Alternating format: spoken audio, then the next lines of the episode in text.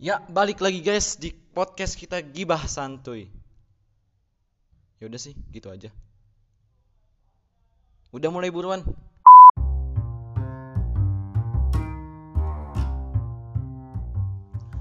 Ya, buat episode kali ini gue bakal ngebahas tentang suatu hal yang mungkin dibenci sama kita. Mungkin sebagian orang benci, sebagian orang nggak suka, sebagian orang menghindar. Ya, udah kayak mantan sih. Itu tapi gue bahas aja bodo amat. Ya, ini namanya corona.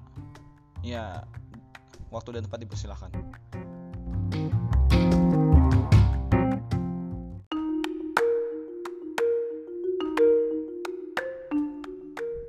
Corona atau yang dikenal dengan nama ilmiah COVID-19 adalah sebuah virus temuan baru di akhir tahun 2019. Keberadaannya kini bukan hanya mengganggu efektivitas kesehatan, tapi juga menjalar hingga mempengaruhi masalah politik, sosial, ekonomi, bahkan seluruh aspek di seluruh dunia. Merupakan sebuah pandemi besar yang menjangkit seluruh dunia.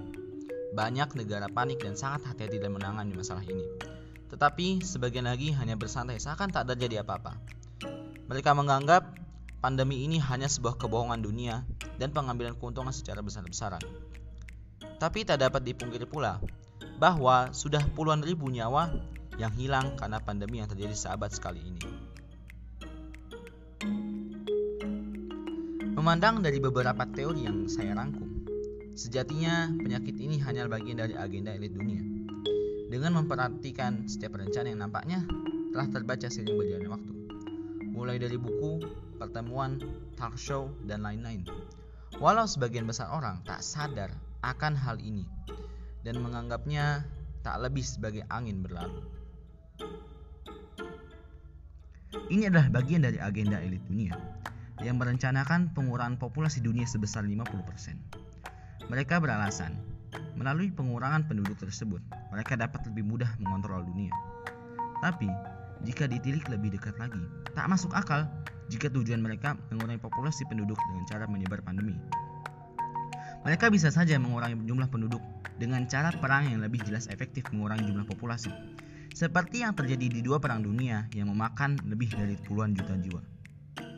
Dibanding harus menyebar penyakit yang belum jelas dapat mengurangi dan masih dalam ketergantungan lingkungan setempat. Maka dapat disimpulkan, mereka ingin mengambil keuntungan besar dari agenda penyebaran virus ini. COVID-19 sejatinya hanyalah sebuah virus biasa yang tak cukup mematikan.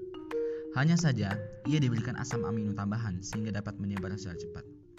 Seperti yang dikatakan mantan Menkes RI, Siti Fadila, COVID-19 tak lebih berbahaya dibanding virus flu burung yang menjangkit Indonesia sekitar tahun 2007.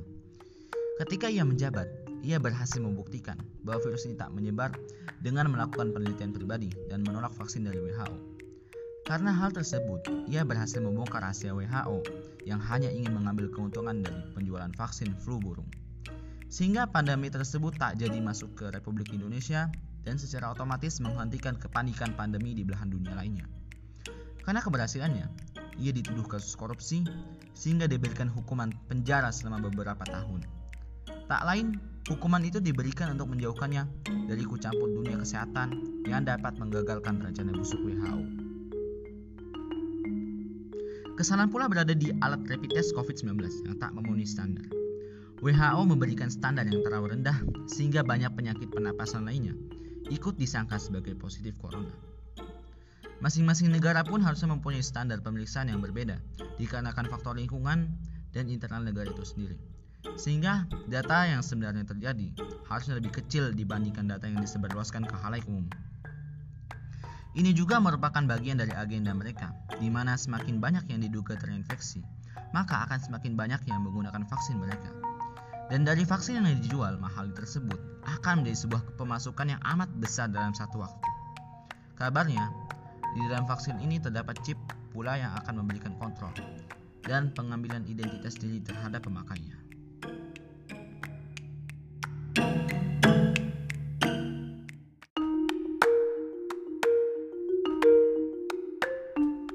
Ada doktrin pula yang disebarluaskan oleh WHO sehingga menimbulkan ketakutan di setiap masyarakat.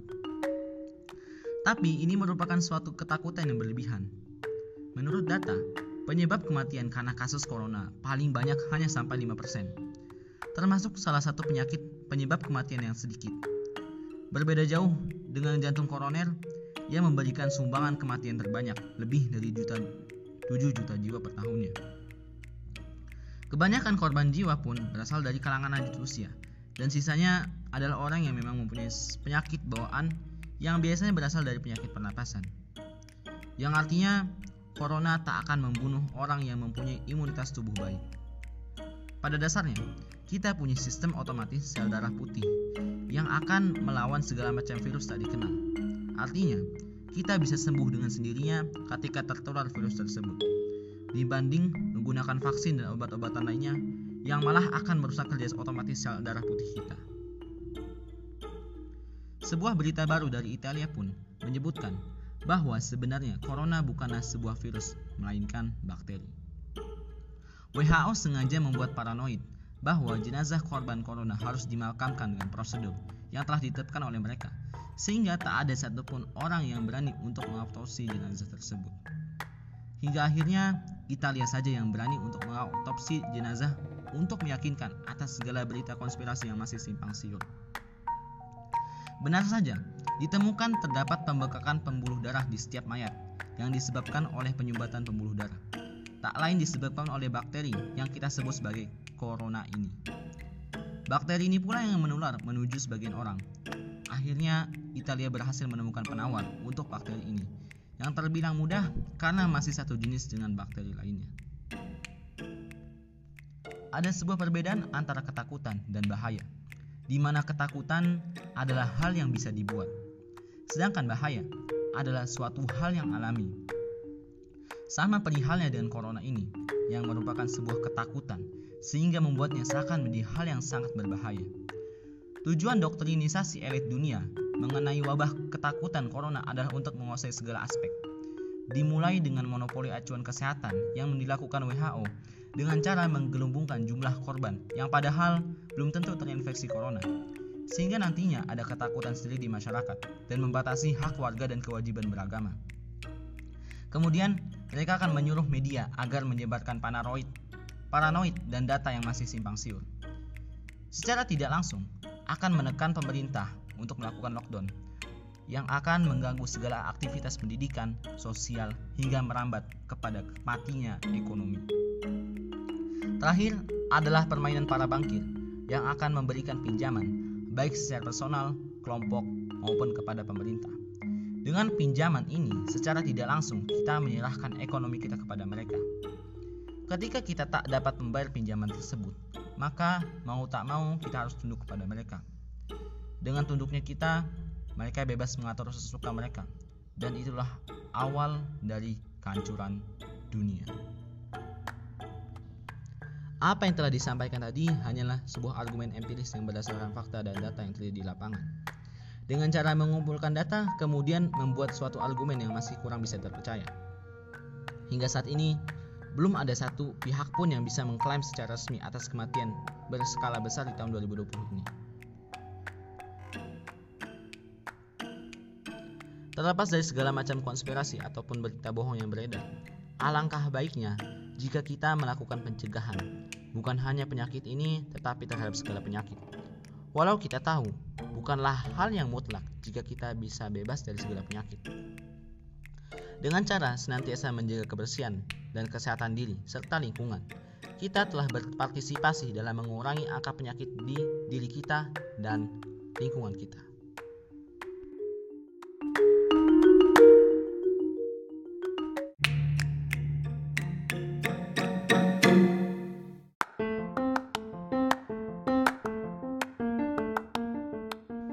Ya, namanya konspirasi sih nggak akan ada habisnya kalau misalnya kita bahas. Konspirasi hanya sekedar argumen masing-masing orang. Ya, itu kan fleksibel.